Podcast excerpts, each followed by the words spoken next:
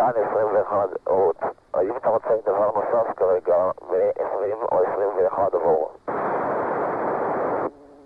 מה שאני רוצה זה לחזור מהר הביתה עבור.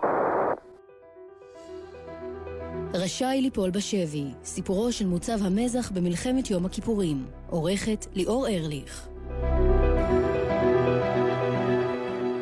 שישה באוקטובר 1973, יום הכיפורים. מוצב המזח, המוצב הדרומי ביותר לאורך תעלת סואץ, יחסית שומם. שקט באוויר לפני תחילת הצום.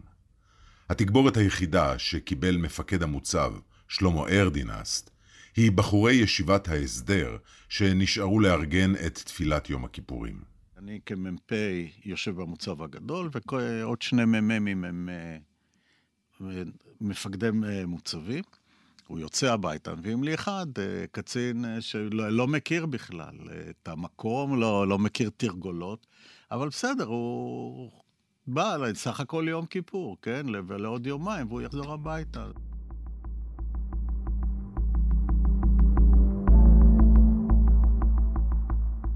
אביחיל פלד הגיע למוצב כאחד מבחורי ישיבת ההסדר. תפקידו המוגדר היה לארגן את סידורי התפילות, ועד להגעתו למוצב לא נגע בנשק מעולם. שיחקנו בחיילים, מכיוון שלפני זה עשינו רק טירונות, ופעם ראשונה היינו בקו, והרגשנו הרגשנו מה זה צבא. לך אלי תשוקתי, בך חשקי ואהבתי, לך ליבי וכליותיי, לך רוחי ונשמתי. מספר ימים לפני פרוץ המלחמה, בעוד ההכנות לצום בעיצומן, הבחינו אנשי מוצב המזח בסימנים להתחזקות הצבא המצרי. תגבור הכוחות, הטנקים והגבהת סוללות העפר מעבר לתעלה. והם כל כך קרובים אליך, כל כך קרובים. אה, להיות אמיתי, כן, משהו מקרקר לך גם בבטן בפנים, ובהחלט יש לך תחושה של פחד. הם דיווחו על כך שוב ושוב, אך לא הצליחו לערער את האופטימיות האדישה של הדרגים הגבוהים. ב-1 באוקטובר 1973 יצא מפקד פיקוד הדרום, שמואל גונן גורודיש, לסיור בגבול. והאלוף שואל אותי בשאלות, והוא רואה את הטנקים שלהם עולים, מתרגלים. אני אומר לו, אלוף, אבל זה מה שאנחנו מדווחים כבר אה, שבועיים ימים. אה, לא יודע, לפי השאלות שם ככה קצת אה, הרגשתי לא נוח, כי כאילו לא מתייחסים לכל מה שאנחנו מדווחים. היה נראה לי שכאילו הם רואים, שומעים על הדברים האלה פעם ראשונה.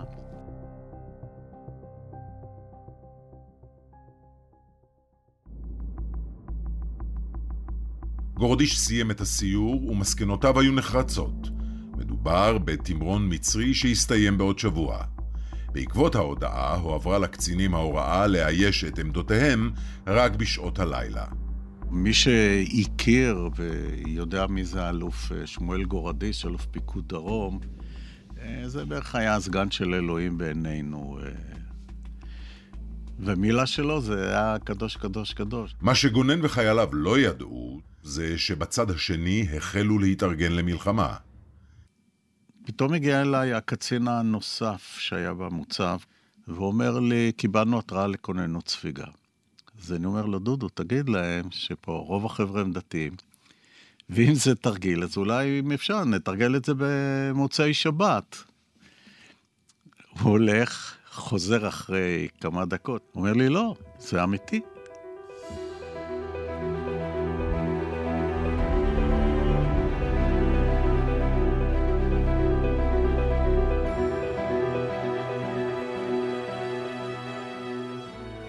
כאן שידורי ישראל מירושלים ברשת א' וב', שלום רב וגמר חתימה טובה. השעה שלוש. דובר צה"ל מוסר כי סמוך לשעה שתיים פתחו הכוחות המצריים והסוריים בהתקפה בסיני וברמת הגולן. כוחותינו פועלים נגד התוקפים. בשל פעולות מטוסים סוריים בגזרת רמת הגולן נשמעות צפירות בכל רחבי הארץ, שהן עולות ויורדות. אלה הן צפירות אמת. בישיבה שלא מן המניין של הממשלה, מסר... סיר בשר, סיר בשר, סיר בשר. להמריץ גורמים... סיר בשר. סיר בשר היה שם הקוד שקרא לגיוס חירום של כלל חיילי החובה והמילואים. ממשלת ישראל, חיל המודיעין, הכוחות הרגליים, כולם היו מוכי תדהמה נוכח המלחמה שפורצת מול עיניהם ללא כל הכנה מראש. אני זוכר שפשוט זה הלם, זה, זה פתאום מהשקט, מהשלווה הזאת של... אתה נמצא ב, ב, במדבר, כן, בשקט, וזה יום קדוש ותפילות, ופתאום לראות את המטוסים ואת הרעש הזה, המעבר היה כל כך חד, אני זוכר שפשוט עמדתי מאובן ומסתכל. סדר הכוחות במוצב בקושי הספיק לאיוש כל העמדות, ומתוך 42 החיילים במוצב, רק 19 הוכשרו ללחימה. אין שום סיבה בעולם שאני אהיה בתוך הבונקר ואני אחכה למשהו שיקרה. אם אני יכול לעשות, לדעתי הפחד של מי שנמצא בעורף הוא יותר גדול וחזק ממה שאתה נמצא ו- ופועל ועושה. הדוקטור נחום ורבין היה הרופא של המוצב, והחייל המבוגר ביותר בין חבריו בצוות. חודשיים לאחר סיום המלחמה, סיפר הדוקטור ורבין על המחשבות שחלפו בראשו בפעם הראשונה שבה חייו שלו נמצאו בסכנה ממשית. ישבתי באיזושהי פינה, מחורבל, ניסיתי לעצום את העיניים, לשכוח מה שקורה מסביב, אבל אי אפשר היה, המחשבות רצו בראש. מה הספקתי לעשות בחיים שלי? בחצר אתה פתאום רואה בורות נפערים, ואש, והמון... ואני לא מדבר על הריח שזה פתאום, הריח של חומרי הנפץ, ואתה רואה את המועדון שבו התפללנו רק לפני שלושת רבעי שעה, כמו בעניין קלפים, מתעופף, נופל על הרצפה. ההרעשה הארטילרית לא פסקה לרגע. במשך 45 הדקות הראשונות ספג המוצב את ההפגזה המצרית ללא תגובה. חיילי המוצב הרי לא היו לוחמים, והסלקציה הייתה פשוטה. אם יש לך שתי ידיים ושתי עיניים, תפוס נשק ותתחיל לירות. בלית ברירה הפכו 42 אנשי המוצב ללוחמים, מרביתם ייפגעו בשמונת ימי הלחימה. בהפצצה הראשונה בשבת, כשהתחילה המלחמה, אני התחלתי לרעוד. איך שהתחילו לרדת הפגזים, אני ממש ראיתי שהידיים שלי רועדות, עישנתי סיגריה אחר סיגריה והידיים המשיכו לרעוד. אם הייתי אז צריך לטפל בפצועים, אני לא יודע מה היה קורה. יותר טוב רופא חי שיטפל בפצועים מאשר אה, עוד לוחם או רופא מת. אני מוסר לך עכשיו את שמות ההרוגים עבור.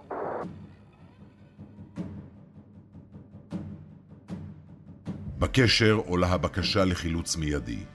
ובזמן הזה המצרים מורידים סירות גומי ומתחילים להתקדם לכיוון התעלה. זה היה מלחמה של מטרים בינינו לבינם. מספר ימים אל תוך הלחימה, גם אביחיל קיבל תדרוך מהיר על השימוש בנשק, ושמר לבדו על העמדה.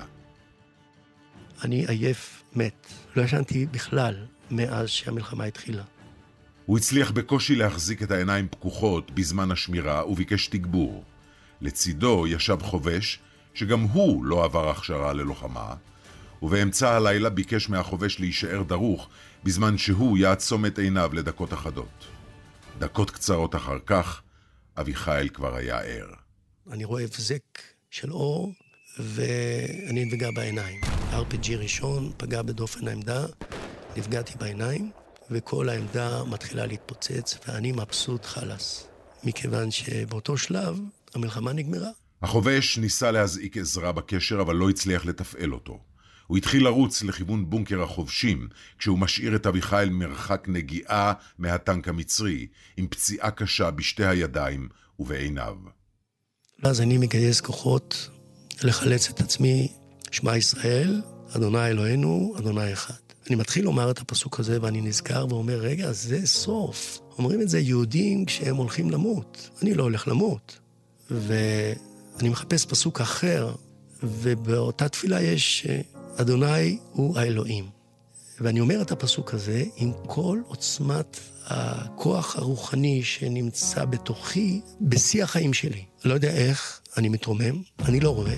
אני רץ כמה צעדים, נחבט בדופן התעלת קשר, נופל, שוב מגייס כוחות עם הפסוק הזה ומחלץ את עצמי כמה נפילות, וכל החיים עוברים שם. אני אומר לעצמי, לחיות, לחיות. תרופות או אמצעי חבישה וכולי, הכל נגמר. גם למי שכבר היה מת קליני, אביחי פלד, ועשו בו ניתוח של חתך בקנה, והחזירו אותו לחיים, אז בכדי שהוא לא יצעק, במקום מורפיום, לקחו את המקל ארטיק הזה, שהרופא בודק אם אדום לנו בגרון. וטבענו את זה בסדין קרוע עם מים, ושמנו לו את זה בין השיניים, שינשך את זה במקום מורפיום. אני uh, מתחיל להיחנק, אין לי אוויר. אני לא רואה, הידיים מרוסקות, אני מרגיש את הקנה uh, נסגר לאט לאט, לחץ נוראי. אתה יודע שזה שנייה אחרונה, אני מתעורר אחר כך.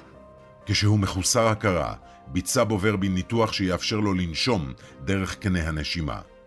נכון שקיבלתי הכנה לפני כן. לפני שיצאנו למילואים, קיבלתי הכנה איך לבצע ניתוח כזה.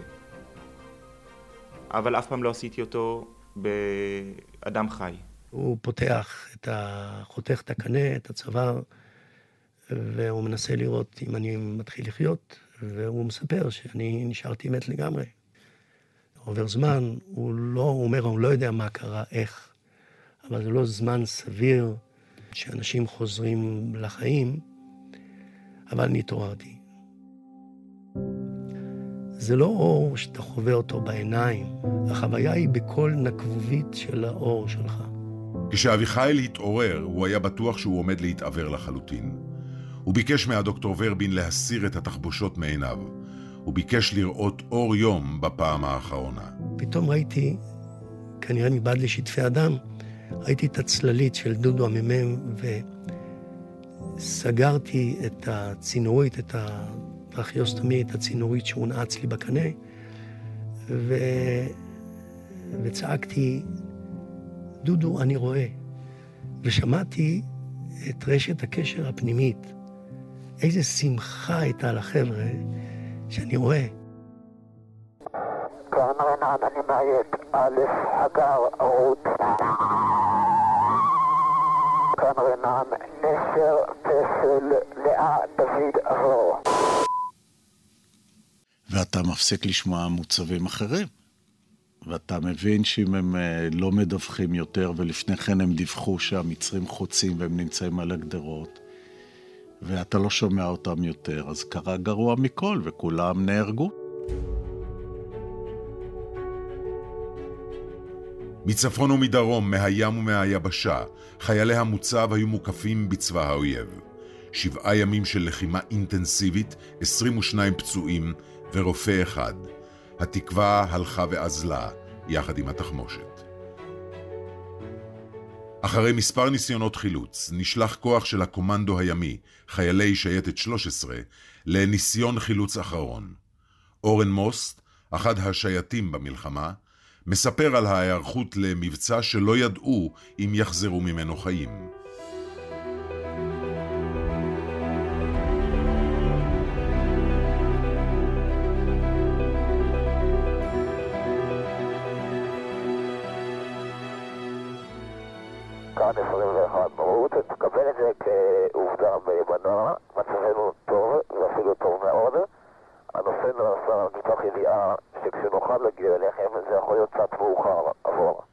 ביום השני של המלחמה הוצבו לוחמי שייטת 13 בשטח שבין שארם א-שייח לבין תעלת סואץ. סמוך לסוכות קיבלו קריאה לחילוץ מוצב המזח. הם כבר כמה וכמה ימים במצור, וחייבים אה, לחלץ אותם, שאם הם לא יחולצו ביממה הקרובה, הם בעצם לא יוכלו יותר אה, להחזיק שם מעמד, וסופם יהיה ליפול בשבי. מפקד היחידה, דוב בר, נענה לקריאה והכין את הלוחמים ליציאה למבצע. התדריך שהעביר להם עורר לא מעט סימני שאלה. שומעים תדריך אה, מאוד שונה מתדריכים רגילים, כי בתדריך רגיל יש המון אה, מידע, המון מודיעין, ופה דוב מציג לנו תוכנית שבעצם רוב רובה זה ציונות נטו. כמה המשימה הזאת חשובה, כמה החיילים, הלוחמים שנמצאים במוצב תלויים בנו. רב הנסתר אה, על הגלוי. בשם הגבורה יצאו חיילי השייטת לכיוון הים, עלו על סירות גומי והחלו לנוע אל חוף המוצב. בשלב זה לא היה להם מושג שעל היבשה המתינו 15 לוחמים, 22 פצועים וחמישה הרוגים, ומכל עבר המצרים המתינו לבואם. ידענו שיש 20 שאנחנו צריכים לפנות, ו-20 זה היה צפוף. 20, אם היו 20 זה היה צפוף. אם, היו, אם יש יותר, זה כמעט בלתי אפשרי.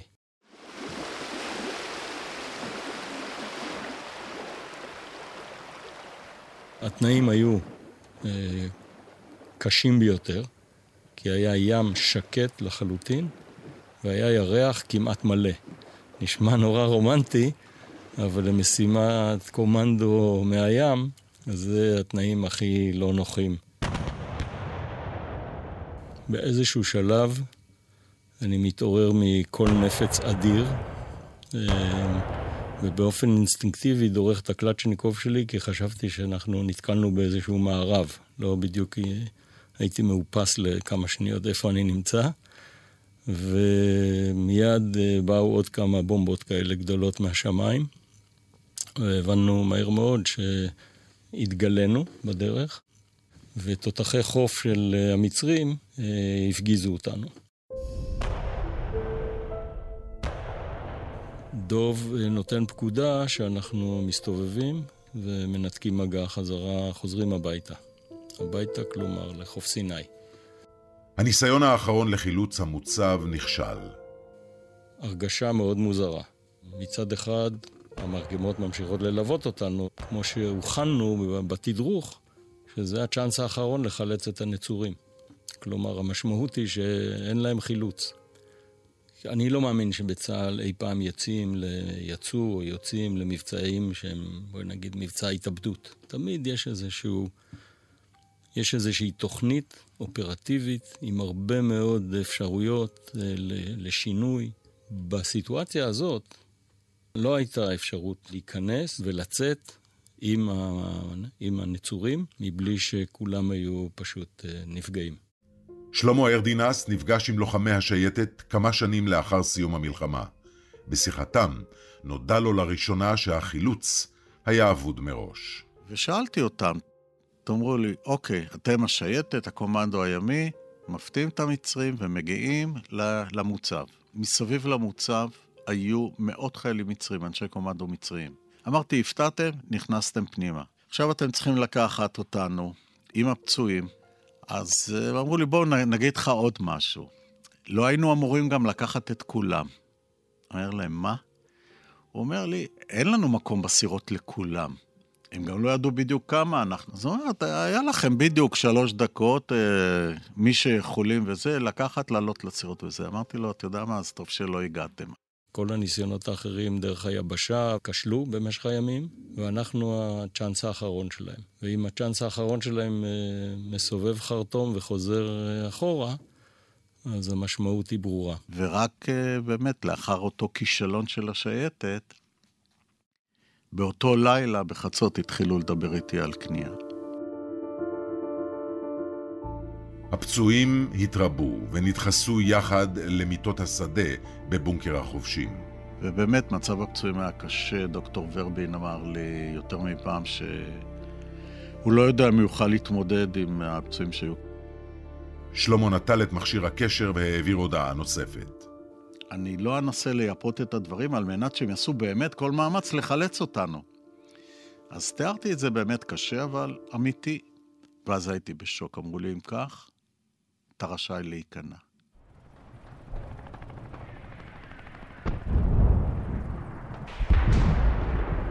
אנשי המוצב קיבלו את הפקודה והבינו שזו ההזדמנות היחידה שלהם לשוב הביתה בחיים. דקות אחדות לאחר שהתקבלה ההחלטה, שלמה קיבל שיחה חשובה בקשר. אה, רגע מאוד קשה. אני מדווח שאני רואה אותם וכולי, ואז אומרים לי ששר הביטחון רוצה לדבר איתי. הבנתי שזה איזה, לא יודע, מילת עידוד, אה, משהו כזה. ארדינס כאן ליפיץ, הכל יהיה בסדר, נמסור כל מה שאתה רוצה, נבקר גם הרבה אצל המשפחה, כל מה שהם יצטרכו, נעזור להם, נהיה איתך בקשר מתמיד עבור. ואז חוזר קצינה גם לדבר איתי, ואומר לי, אני משנה פקודה, אתה אינך חייב להיכנע, נתון לשיקול דעתך. פתאום אומרים לו, תשמע, אה, רוצים שתדע שזאת בעצם החלטה שלך, אתה לא חייב ליפול בשבי. אתה לא חייב להיכנע. עכשיו, זה התעללות, זה בריחה מאחריות. אני רוצה להיות בטוח בתשובה שלך. האם אתה יכול עדיין להחזיק מעמד עבור? זה עדיין נתון להחלטתך. אם תחליט להחזיק מעמד, אנחנו נעזור ככל שנוכל. הוחלט, הוחלט להיכנע עבור. לאחר שנפלה ההחלטה, כל שנותר להם היה להיפרד. ארדינס, בקש מהרבה חבר'ה שאתה מכיר, זה הדבר הכי חשוב, שכל פעם יקפצו להורים, אני אין לי את הסריקה הכי קטנה, מרגיש בינתיים בסדר, לא מאמין שיעשו לי שם דברים רעים. אנשי המוצב דחסו כמה שיותר חפצים אישיים לכיסים, כאשר המתינו לאנשי ארגון הצלב האדום, שסייעו בכניעה המסודרת והובילו אותם לגבול המצרי. תגיד לה שחוץ מפנקס שבוי לקחתי רק עוד את התמונה שלה. תדע לך שכולנו מלא הערכה, בסך הכל נראה לנו שהפתרון היה פתרון טוב ופתרון של כבוד מצידנו עבור. לא היינו עומדים מול עוד התקפה. כולנו מעריכים כל מה שהיה, להתראות בתל אביב אחרי המלחמה עבור.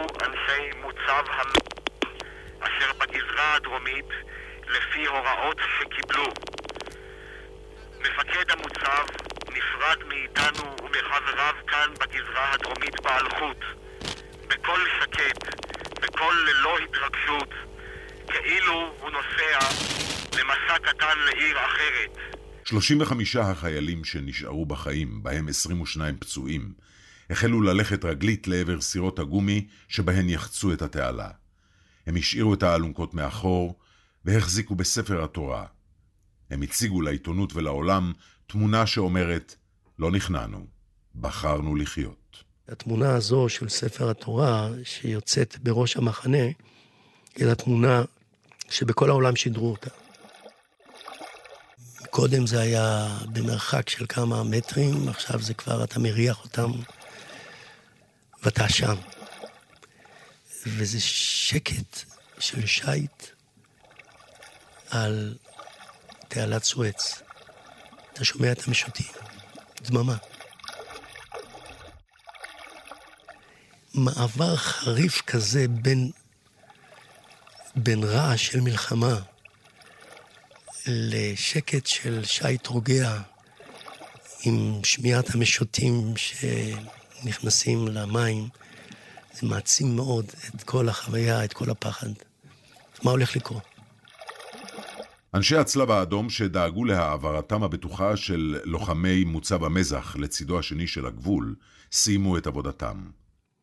מהגבול יצאו השבויים בנסיעה של שעות מהים אל הכלא המצרי, ברכב אחד, כשהם שרועים אחד על גבי השני בערימה. אביחי לא טופל מאז פציעתו, ומצבו הלך והחמיר. אני שומע רעש של שרשרות ברזל. אני מבין שאני בכלא. אני צועק, no jail, no jail, I need hospital. הסוהרים חילקו את אנשי המוצב, חולים לחדר החולים, השאר פוזרו בתאים בודדים. הם היו מכוסי עיניים וניסו לדלות מידע מתוך הקולות ולהבין את הצעד הבא.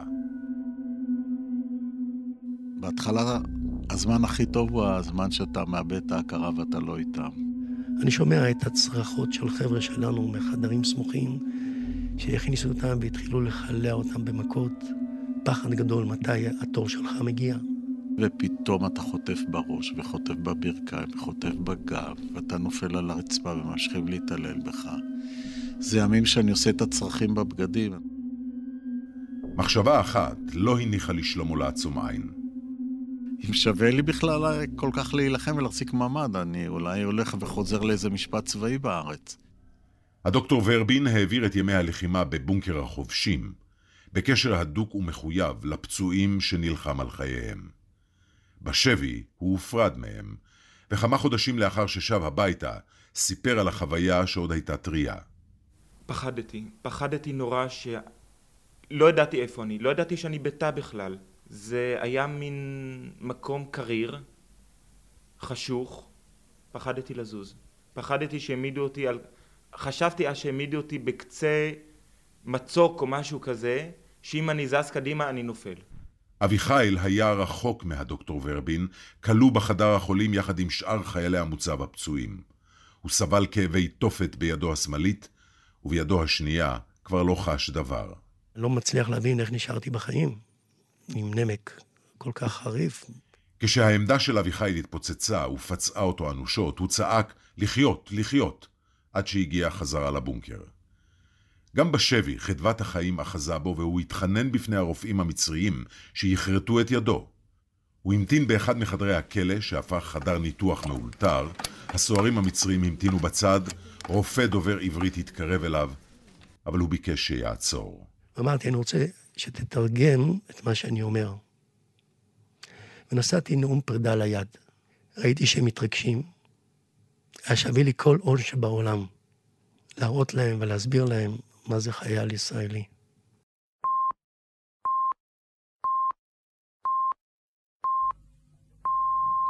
כאן שידורי ישראל וגלי צה"ל, שלום רב. ממשלת סוריה הודיעה למזכיר האו"ם כי היא מקבלת את החלטת מועצת הביטחון להפסקת אש.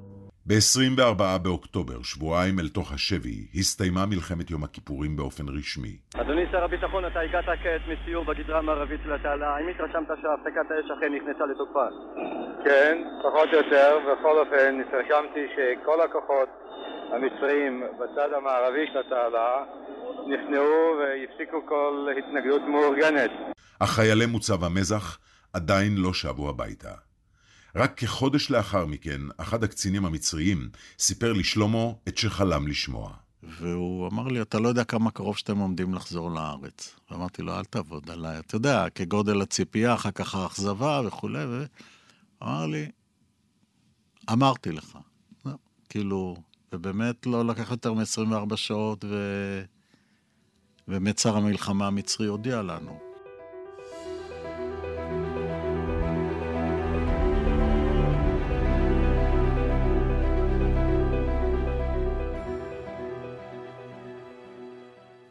רגע ענק, שמחה בלתי נשלטת. אתם משתחררים היום.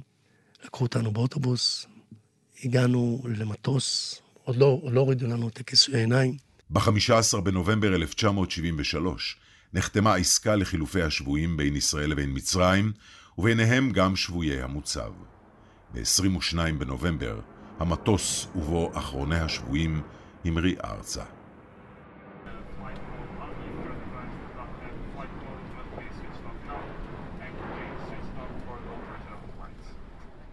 אחד מהחבר'ה אומר, חבר'ה, יש מראה בשירותים. מתחיל תור ארוך לשירותים, מגיע התור שלי, ואני רואה מישהו שנדחף ומסתכל במקומי, אני אומר לו, זוז, תן לי. לא הבנתי שזה אני. לא הכרתי את עצמי בכלל. הם ניסו לשיר, אבל השירה גבעה. הפחד מפני השבי התחלף בפחד מפני החזרה הביתה. ותחושת האשמה של שלמה ארדינסט על נפילת המוצב, שבה לכרסם בו עם נחיתת המטוס בארץ. 26 שבויים ישראלים במצרים חזרו היום הביתה.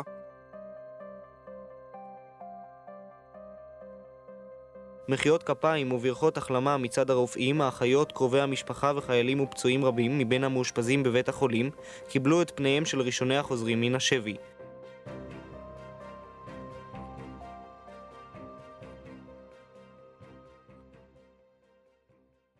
כשהמונית נכנסה רק לרחוב, עמדו אנשים עם דגלים. זה היה פשוט מחזה, לא יכולתי לעלות הביתה. חיכו לנו. והריעו לנו. זה היה מרגש ברמות. זה היה כל רגש האשמה שלנו, העצמית, כאילו הם הורידו את זה מאיתנו. זהו, אנחנו, אנחנו בארץ. אזרחי ישראל, כאשר תשמעו את דבריי אלה, יהיה זה בוקר, תעזו שעה מוקדמת, ותזרח השמש בארץ אבותינו ובנינו. בא השלום על עמנו ועל ארצנו, לא רק בדור הזה, אלא גם בדורות הבאים. ב-26 במאי 1979, שש שנים לאחר המלחמה, נחתם הסכם השלום עם מצרים. בעקבות המגעים לשלום, החיילים המשוחררים שבו למוצב בפעם הראשונה מאז הקרב, כדי לזהות ולהחזיר ארצה את גופות חמשת חבריהם. ברישומי צה"ל נותר שבוי אחד שעדיין לא שב לישראל, ספר התורה, שאותו לקחו על גבם מן המוצב, נספר בזמנו כאחד השבויים. רק 28 שנים מאוחר יותר, ב-6 ביולי 2000, הוחזר הספר ארצה כמחווה לנשיא המדינה דאז, עזר ויצמן, כחלק מצעדי השחרור של השבוי עזם עזם. היום, 45 שנים לאחר המלחמה, אורן מוסט, לוחם השייטת שלקח חלק בפעולה לחילוץ לוחמי מוצב המזח שנכשלה, סוגר מעגל. איתי בצוות היה שאול, חבר טוב שלי, הכי טוב שלי מהתיכון, ולאחר שנפלו בשבי הנצורים, התברר שאהוד, שהיינו שלישייה בתיכון, בתיכון חדש, הוא היה אה, אחד השריונרים במוצב, והוא נפל בשבי. יש פה תמונה שאהוד, שאול מצד שמאל, ואני מצד ימין, ביחידה, על שובר הגלים. וזה חצי שנה, אני חושב, אחרי, אה, אחרי המלחמה. אהוד חזר מהשבי במסגרת החלפת השבויים, ואפשר לראות פה שהוא עדיין אה, עם גבס על היד. לצערנו נפטר לפני כשנתיים. אף פעם לא דיברתי איתו על הנושא הזה. הרבה פעמים רציתי, ולא הגענו לדבר על זה. אה, אבל לתחושתי, אה, הסוגיה הזאת ש... שהחילוץ לא הצליח, אה, אני לא חושב שזה היה אישו בשבילו, אני לא חושב שזה היה נושא בשבילו. אהוד חי את חייו עם, עם שמחות ודאגות אחרות. החלטת מפקד מוצב המזח שלמה ארדינס ללכת לשבי החלטת מפקד השייטת דוב בר לסגת מניסיון פעולת החילוץ, שתיהן היו החלטות קשות, הרות גורל, שהתבססו על היגיון, תחושת בטן והרצון לחיות. אין משהו שהוא יותר חשוב מזה שכולנו חיים. אני סבא לנכד שלישי. יש לי שלושה ילדים, שני בנים ואחריהם נסיכה בת, שני נכדים, ואני מאמין שיהיו עוד הרבה חייב אדם לברך על כל נשימה ונשימה. אני יודע מה זה, אני יודע מה זה חיים, אני יודע להעריך את החיים. קיבלתי מתנה אדירה. חגיגה גדולה כאשר תחזרו עבור.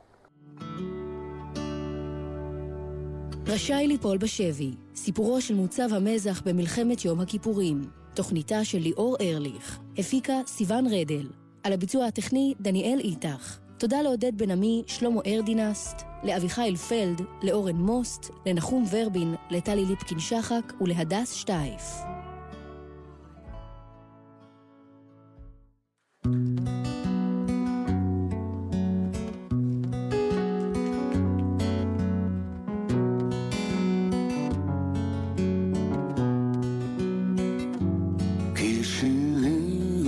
בת קול ברוח, מכתבי השלוח, מסילת חיי, געגועי, את תפילותיי. כי שירי הוא עלה ברוח, השכוח,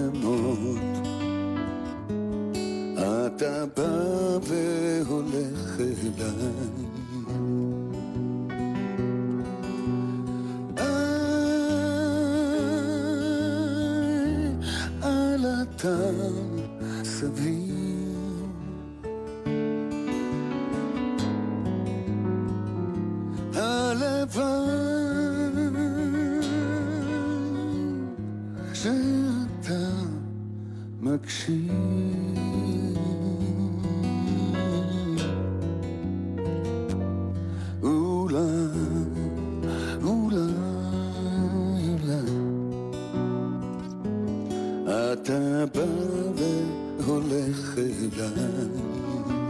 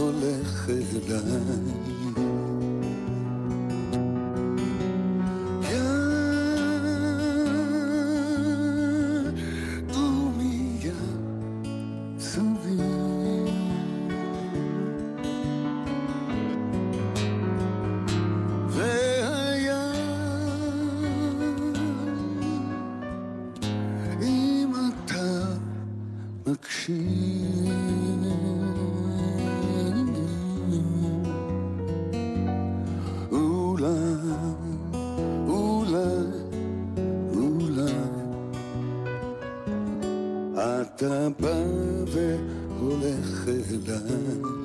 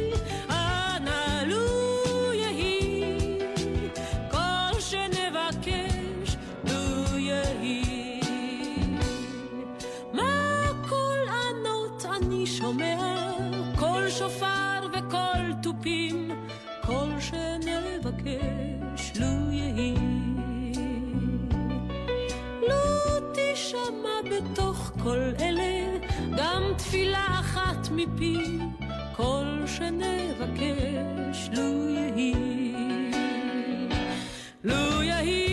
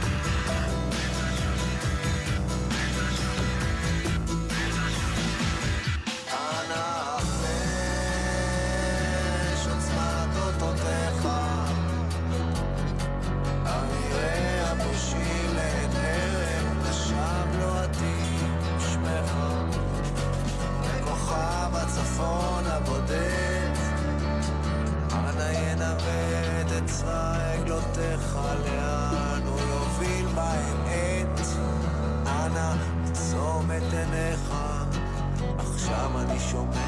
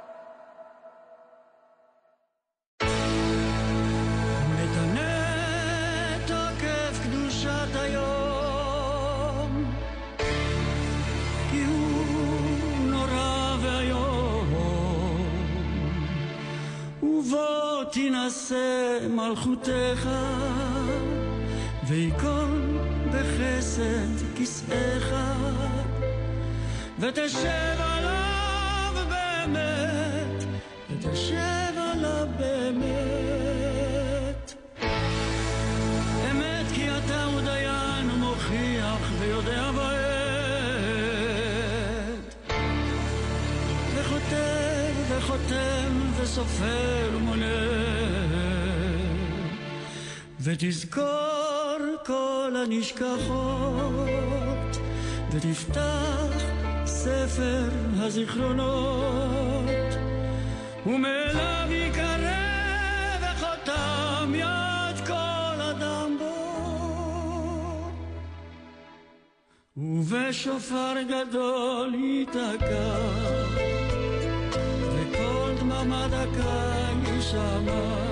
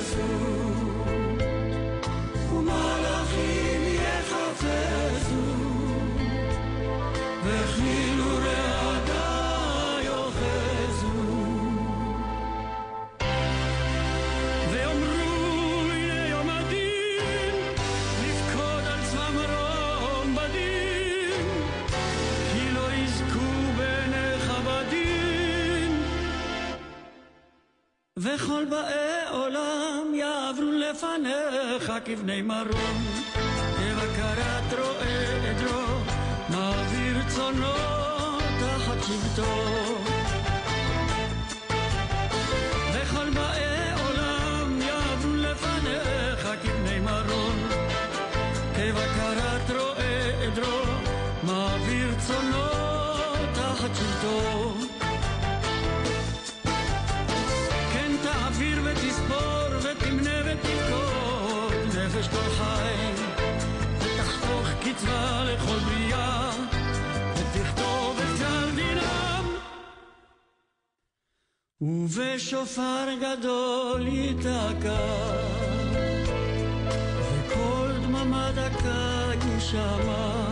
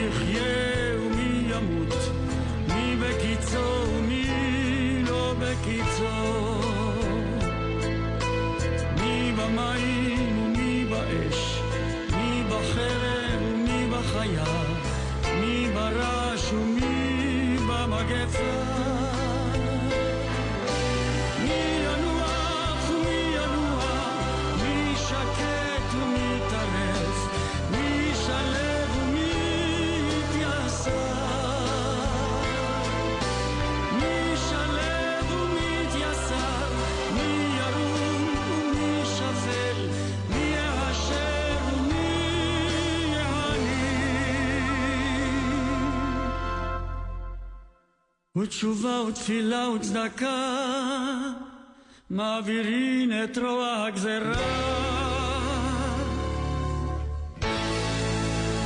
אמת כי אתה הוא יצרן ואתה יודע יצרן.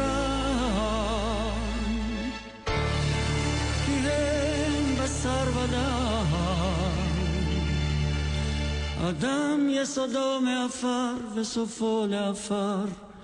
בנפשו נביא לחמו. משול כחרס המשבר, כחציר יבש וכצי צנובר.